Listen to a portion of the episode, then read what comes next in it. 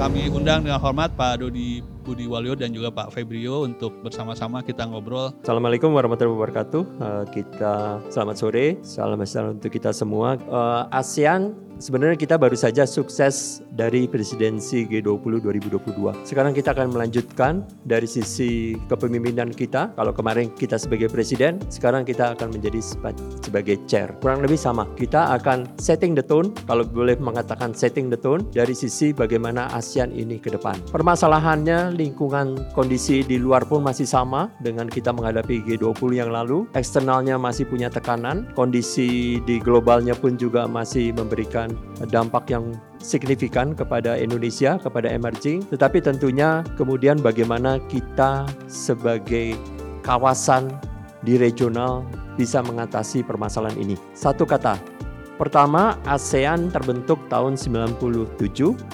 kemudian di tahun 2005 kita menyepakati yang disebut sebagai ekonomi masyarakat ASEAN, IAC, ASEAN Economic uh, Community akan terwujud di tahun 2025. Jadi sejak 2015 sampai dengan 2025 kita akan menuju kepada suatu kawasan yang terinterkoneksi, inklusif, kemudian dalam konteks welfare yang meningkat. Itu adalah semangat daripada AEC 2025. Kekuatan Indonesia di 2023 yang artinya dua tahun menjelang 2025 sebenarnya membawa semangat untuk mencapai kesepakatan yang disepakati sebenarnya kesepakatan yang harus dideliver di 2025. Tentunya, punten, punten, yuk, monggo. Yang tiga itu apa tadi Pak? Penting buat teman-teman. Yang tiga, maksudnya? Dan, dan, dan yang terakhir ada ada inklusif segala. Okay. Bahwa kawasan itu adalah interconnected, interconnected, kemudian uh, inklusif, Inklu oh inklusif, dan yang ketiga adalah welfare increase. Oke. Okay. Gain Sama-sama increase. Sejahtera. Sejahtera. Oke, okay. interconnected, inklusif, welfare. Welfare. Oke. Okay. Itu adalah semangat yang objektif daripada ISC. ISC sendiri punya sekitar 30 sampai 35 deliverables. Ini adalah sejarah yang harus kita lihat ya, eh, apa yang akan kita capai dengan masyarakat ekonomi ASEAN. Tetapi tentunya on the way ke sana memang sekarang ini keketuaan kita adalah mencoba untuk memprogres speed up untuk pencapaian tadi. Memastikan bahwa 2025 memastikan 2025 tercapai. kita akan tercapai. Satu hal bahwa tentunya pada saat uh, dibentuk 2015, kondisi saat ini lingkungan strategisnya tentunya tidak seperti sekarang. Belum terbayang ada pandemi, belum terbayang ada geopolitik seperti sekarang. Artinya di tengah-tengah bahwa kita harus mencapai kondisi tadi, kita harus mengatasi permasalahan yang sangat urgent di jangka pendek. Bagaimana kita keluar melakukan salah satunya adalah kebijakan normalisasi. Semua negara punya permasalahan sama, masalah inflasi. Semua negara punya permasalahan sama, bagaimana mengatasi masalah scarring sektor ekonominya dari pandemi. Semua negara relatif punya masalah sama adalah bagaimana dampak suku bunga tinggi kepada pelemahan ekonomi. Nah, itu adalah riak-riak yang harus kita atasi di jangka pendek ini. Di tengah kita harus mencapai objektif 2025. Itu Mas Erwin. Jadi teman-teman, uh, tentunya kalau kita melihat kondisi tadi, Indonesia tidak salah kemudian membawa tiga pilar dari sisi pencapaian kita nanti. Bagaimana kita recover dan rebuilding. Itu lebih kepada konteks yang saat ini, yang sangat urgent. Recover, soon kita recover, kemudian juga bagaimana kita segera rebuild. Kemudian yang menuju kepada yang jangka menengah panjang untuk pencapaian 2025 adalah bagaimana kita memanfaatkan digital dan yang ketiga adalah bagaimana kita juga mengadres konteks sustainable economy, ekonomi yang berkelanjutan. Kalau pada saat 2015 menyusun ISC, berkelanjutannya hanya berkelanjutan dalam konteks ekonominya tumbuh selalu dalam pertumbuhan yang stabil uh, meningkat. Kalau sekarang mungkin sustainable-nya harus memperhatikan juga isu green. Jadi itulah dinamika dari ASEAN melihat ASC ini juga harus kita lihat nantinya dengan dinamika yang sekarang, teman-teman. Digital, Pada tahun 2015 belum terpikir bahwa konteks digital akan membuat ekonomi menjadi lebih efisien, sektor keuangan menjadi lebih efisien. Nah, sekarang tentunya dengan adanya digital, gimana kita memfitkan kondisi-kondisi itu kepada objektif kita yang di 2025 ISC. Artinya ada konteks-konteks baru ya. di mana semangat lama integrasi itu bahkan bisa Benar. lebih cepat gitu. Benar. Misalnya saja kalau contoh ini saya angkat sekarang ya, teman-teman ya. Bagaimana kita melihat interkoneksi perbankan? Kalau dulu berpikirnya adalah saya buka bank di sana, negara lain buka bank di Indonesia. Inter interkoneksi secara physical presence. Tetapi dalam konteks digital mungkin kita nggak berpikir seperti itu lagi. Kita cukup membuka konteks digital interconnecting, digital banking tanpa harus ada kehadiran fisik secara letterleh muncul dibangun di suatu negara. Tetapi sudah ada interkoneksi fungsi perbankan antar negara di kawasan melalui fungsi digital. Itu adalah contoh-contoh kita melihat ke depan dari sisi perubahan dinamika yang ada di perekonomian. Ya. Itu jadi saya mau mengatakan bahwa kekuatan Indonesia 2023 ASEAN ini tidak putus dari sisi bagaimana kita mencapai target masyarakat ekonomi ASEAN 2023. Ya, kita akan terus menuju ke situ. Tentunya nanti di dalam keketuaan kita akan banyak diusung banyak perubahan baru. Salah satunya yang pertama, yang mengenai recovery rebuilding, teman-teman ya. Recovery rebuilding ini sebenarnya negara-negara di kawasan punya permasalahan yang sama miripnya. Yaitu tadi, inflasi, scarring, suku bunga tinggi. Semua dampaknya relatif sama karena kita adalah negara emerging yang terkena spillover dampak dari tentunya kebijakan di negara maju. Oleh karena itu memang bagaimana kita melakukan kebijakan normalisasi yang harusnya punya kemiripan yang sama. Ngatasi nilai tukar, ngatasin volatilitas di aliran modal. Relatif sama pada saat tekanan dari global muncul, aliran modal keluar dari Thailand, dari Indonesia, dari negara-negara di kawasan, nilai tukarnya juga tertekan. Oleh karena itu, di dalam kekuatan kita yang pertama ini adalah kita mencoba untuk membahas bersama bagaimana normalisasi kebijakan yang kita gunakan secara kebijakan yang berbaur, bauran. Jadi tidak mengandalkan konvensional, kebijakan konvensional hanya suku bunga, hanya likuiditas, tapi bagaimana kebijakan lain karena dinamika permasalahannya juga lebih luas. Tidak hanya masalah perbankan tapi juga permasalahan geopolitik. Jadi tekanannya ini membuat kita mengusulkan untuk melakukan dialog mengenai policy mix.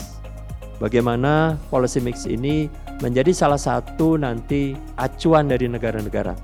Tentunya country circumstances. Semua tergantung daripada kondisi masing-masing negara. Bisa saja pilihan kebijakan saya Indonesia berbeda dengan kebijakan negara lain, tetapi konsepnya sama, mixed policy, tidak mengandalkan satu single atau dual policy only. Jadi Indonesia akan menawarkan resep Indonesia kepada negara-negara ASEAN. Kurang lebih begitu, Pak Erwin.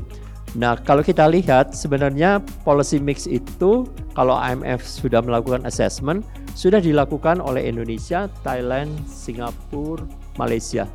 Jadi policy mix dilakukan oleh mereka kembali kepada konteks tidak mengandalkan satu dua kebijakan country circumstances. Kita. Wabil khusus policy mix itu adalah uh, apa namanya koordinasi kebijakan fiskal moneter nanti ya Benar. mungkin ya Pak ya. Okay. Benar. Dan itu resep Indonesia yang kita banggakan selain resep rendang ya. Jadi itu yang akan dibicarakan. Uh, itu uh, recover and rebuilding hmm. karena memang kita punya persoalan yang sama kita akan bahas isu-isu bagaimana polisi respon untuk menghadapi itu ya Pak ya. ya. Uh, kemudian Pak yang kedua yang kedua masih di dalam recovery rebuilding yang menjadi salah satu upaya kita adalah bagaimana kita mencoba mengurangi ketergantungan kepada di mata uang hard mata uang utama. Karena kalau kita bergantung hanya pada satu dua mata uang, tentunya gejolak dari negara-negara pemilik mata uang itu tentunya akan berpengaruh pada kita. US dollar sebagai dominan currency sudah kita akui itu merupakan global currency. Ya. Kalau kita bisa mengurangi sedikit ketergantungan kepada global currency, kita akan akan keluar dengan satu opsi bahwa gejolak kepada perekonomian juga akan berkurang. Kita akan mencoba lebih mengandalkan kepada local currency. Saya berdagang dengan Thailand gunakan rupiah dan baht. Saya berdagang dengan berinvestasi dengan Malaysia gunakan rupiah dan ringgit. Saya melakukan transaksi di pasar keuangan maupun melakukan pembayaran misalnya dengan dengan Singapura kita bisa menggunakan dengan rupiah uh, Sing dollars. Jadi artinya nanti kita akan uh, mencoba untuk kembali mengangkat secara bersama kesepakatan untuk melihat local currency transaction. Jadi local currency transaction, baik itu investasi, perdagangan barang jasa, dan juga transaksi di pasar keuangan. Itu Mas Erwin. Dulu kan namanya LCS Pak ya. Dulu Local LCS. Currency Settlement. Ya. Sekarang menjadi LCT karena memang coverage-nya yang lebih luas. Coverage lebih luas. Coverage lebih luas bahkan kita juga uh, menggunakan digital. Digital uh, payment. Jadi bisa saja nanti cukup pembayarannya tanpa harus fisik jadi misalnya quick response QR, QR Indonesia dengan QR Thailand sekarang sudah terhubung. Jadi kita bisa berdagang, berinvestasi dengan menggunakan cukup melakukan pembayaran QR. Nah, teman-teman, itulah yang kita lihat nanti interconnection secara masyarakat ekonomi IC. Yang mungkin di masa 2015 kita tidak terpikir. Pada saat itu belum ada digital. Tapi sekarang dengan kita menggunakan digital payment connectivity, kita sudah bisa terinterkoneksi di antara kawasan melalui cara pembayaran seperti itu. Jadi Pak Dodi, kalau ya. dulu LCS itu kan karena latar, latar, lahir di latar belakang kita berdagang sesama kita, Benar. cuman tetap saja pakai US dollar. US dollar. Kemudian transaksi ekspor impor itu e, bisa langsung dengan menggunakan mata uang. Tapi sekarang bahkan e, hubungan ekonomi-ekonomi di level retail pun sudah bisa masuk tanpa menggunakan US dollar. Jadi pada saat QR Indonesia dan Thailand itu bisa digunakan, di belakang itu adalah settlement yang tidak lagi menggunakan US dollar. US dollar. Benar. Itu yang dimaksud perluasan coverage tadi Benar. dari LCS menjadi LCT. Ah. Dan itulah kita mungkin bisa dikatakan kita lebih awal dari negara lain mengimplementasikan apa yang kita capai di G20 kemarin. Ya. Adanya cross border payment cross border connectivity. Cross border yang settlementnya digunakan, digunakan tanpa menggunakan US dollar. Tanpa menggunakan US dollar. Langsung menggunakan local currency. Lo menggunakan local currency. Jadi itulah.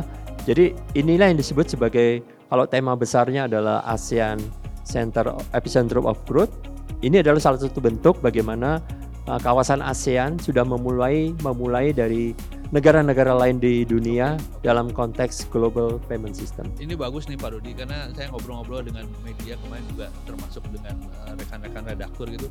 Mereka tidak merasakan ruhnya hmm. integrasi ekonomi ASEAN setelah 56 tahun, tapi rupanya ada hal-hal yang praktikal yang sebetulnya ya. semangat lama itu sebenarnya hidup dan itu bahkan menjadi lebih real dengan dengan apa namanya uh, apa konteks teknologi tadi ya. digitalisasi ya harapannya Mas Erwin bahwa kekuatan Indonesia di ASEAN tahun ini kita bisa mengangkat roh tadi. Nah. Kita mau setting the tone. Nih. Jadi financial sector itu pun juga akan menjadi bahasan kita yang utamanya adalah nanti adalah melihat salah satunya adalah keberadaan mengenai konteks kripto. Cryptocurrency.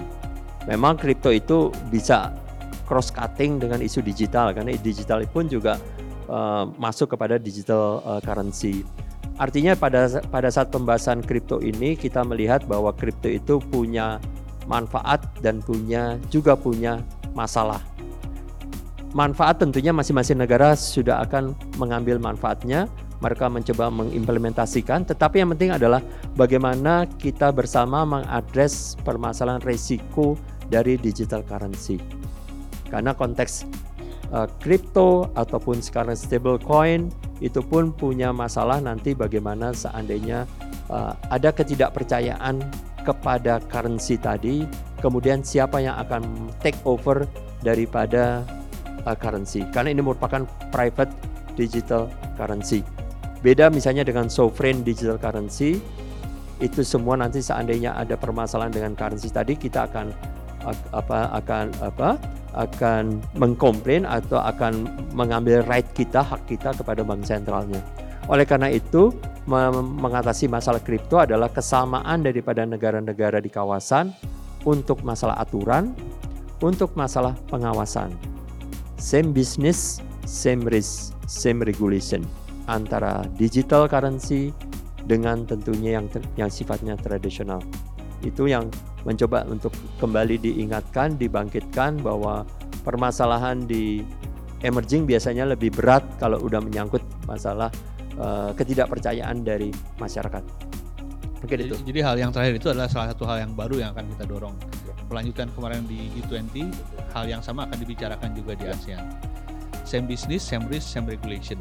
Oke, menarik memang agenda ASEAN banyak dan uh, kolaborasi kita Bank Indonesia dan Kementerian Keuangan hanya bagian dari yang lebih besar. Kalau boleh nanti sedikit juga disinggung gimana sih sebetulnya peta peta isus di ASEAN dan bagaimana kita berdua ini mendorong juga di dalam kalau kalau boleh nanti mungkin boleh masuk itu juga termasuk tadi mungkin uh, di kementerian yang lain seperti apa gitu.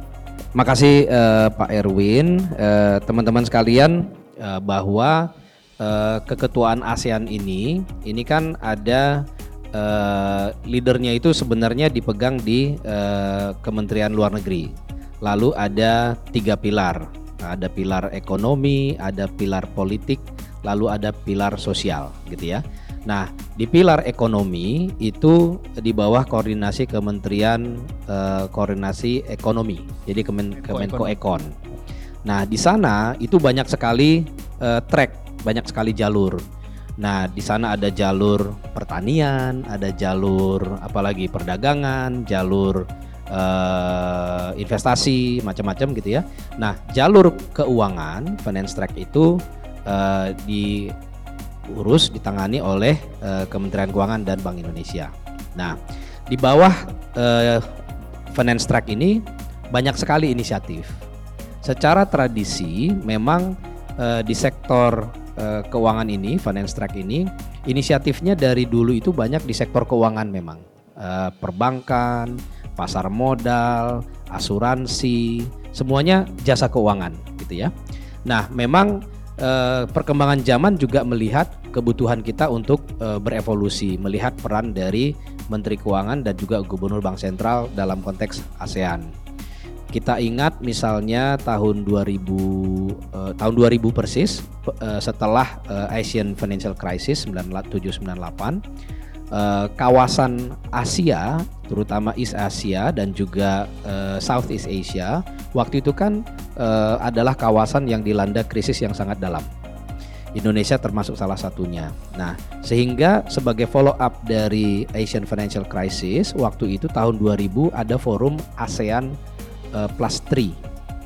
Nah, itu ada Japan tahun 2000. Tahun 2000. Sudah 23 nah, tahun itu. Exactly. Nah, tahun 2000 itu kita melihat bagaimana instabilitas di kawasan itu memang uh, sangat costly. Nah, sehingga uh, kemudian ASEAN dan juga menariknya ada Jepang, China dan Korea yang melihat kebutuhan untuk menjaga stabilitas di kawasan Southeast Asia dan juga East Asia secara keseluruhan. Maka uh, keluarlah uh, lahirlah yang namanya Asian Plus 3. Nah, ASEAN Plus 3 ini kemudian mendirikan yang namanya AMRO. AMRO ini uh, melakukan macro surveillance di kawasan. Ada yang bilang AMRO itu IMF-nya Asia gitu.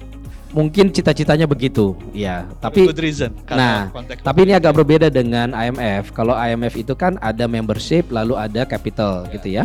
Nah, kalau AMRO itu didirikan atas inisiatif tadi ASEAN Plus 3. Lalu apa yang terjadi di AMRO? Waktu itu tahun 2000 keluar yang namanya Chiang Mai Initiative. Nah, di situ eh, yang terjadi adalah koleksi dari eh, perjanjian bilateral swaps antar negara ini tadi, ASEAN Plus 3 tadi ini dan itu uh, tahun 2000 itu dikumpulkan uh, komitmen-komitmen bilateral swap. Lagi-lagi konteksnya adalah stabilitas kawasan. jadi pendekatan multilateral. Dikumpulin okay. uh, totalnya sekitar 120 billion US dollar. Pooling fund waktu itu. Pooling dari perjanjian-perjanjian okay. bilateral swaps. Nah Lalu uh, di tahun 2014, jadi 14 tahun kemudian itu di double menjadi 240 billion. Nah itu komitmen yang ada sekarang. Artinya Pak Febrio, 240 billion itu kalau misalkan kita sampai dilanda krisis lagi, kita nggak usah buru-buru ke Washington DC gitu. Nggak, jadi ada perjanjian bilateral swap. Ya. Kita dengan Jepang, penting, kita Saya dengan tanya, Korea. Tadi itu ada pertanyaan, sebetulnya ASEAN itu apa? Ya kalau nggak ada itu kan juga nggak ada berarti kan. Nah ini yang sering kali kan kita karena suasana lagi tenang, kita merasa nggak ada apa-apa ini. Justru karena ada perjanjian-perjanjian itu, risiko banyak yang turun. Ya, jadi kenapa? Karena sesama central bank uh, tahu bahwa akan ada perjanjian bilateral swap anytime itu diperlukan, itu langsung bisa diaktifasi. Termasuk buat market juga menjadi lebih tenang. Yes. Nah, jadi ini memang salah satu yang kita dapatkan paling tidak dalam evolusi dari tahun 2000, 2014 sampai sekarang. Nah, Sampai sekarang memang belum pernah ada negara yang memanfaatkan fasilitas itu. Alhamdulillah. Itu mungkin satu tanda baik gitu kan. Ibaratnya ini adalah financial safety net untuk kawasan kita kan gitu kan. Regional financial, Regional safety. financial safety net. Nah, lalu kita lihat apakah ada lagi fasilitas-fasilitas lain yang bisa kita bicarakan. Uh, kebetulan kemarin kita bicara dengan Jepang, uh, mereka ada ide setelah kita juga mengatakan bahwa ini perlu kita kalibrasi terus. Apalagi ya fasilitas yang perlu kita siapkan misalnya dalam konteks uh, risiko bencana. Uh, misalnya dalam konteks nanti uh, apa namanya climate change risk. Nah, ini juga mulai berkembang. Nah, lagi-lagi ini evolusi yang terus kita uh, kolaborasikan bersama. Itu dari sisi financial stability. Terima kasih Pak Dodi. Mudah-mudahan uh, di kesempatan berikutnya kontribusi tidak berkurang. Sekali lagi makasih juga Pak Febrio dan teman-teman semua sampai uh, jumpa di hari-hari yang akan datang. Jangan bosan sama saya. Terima kasih.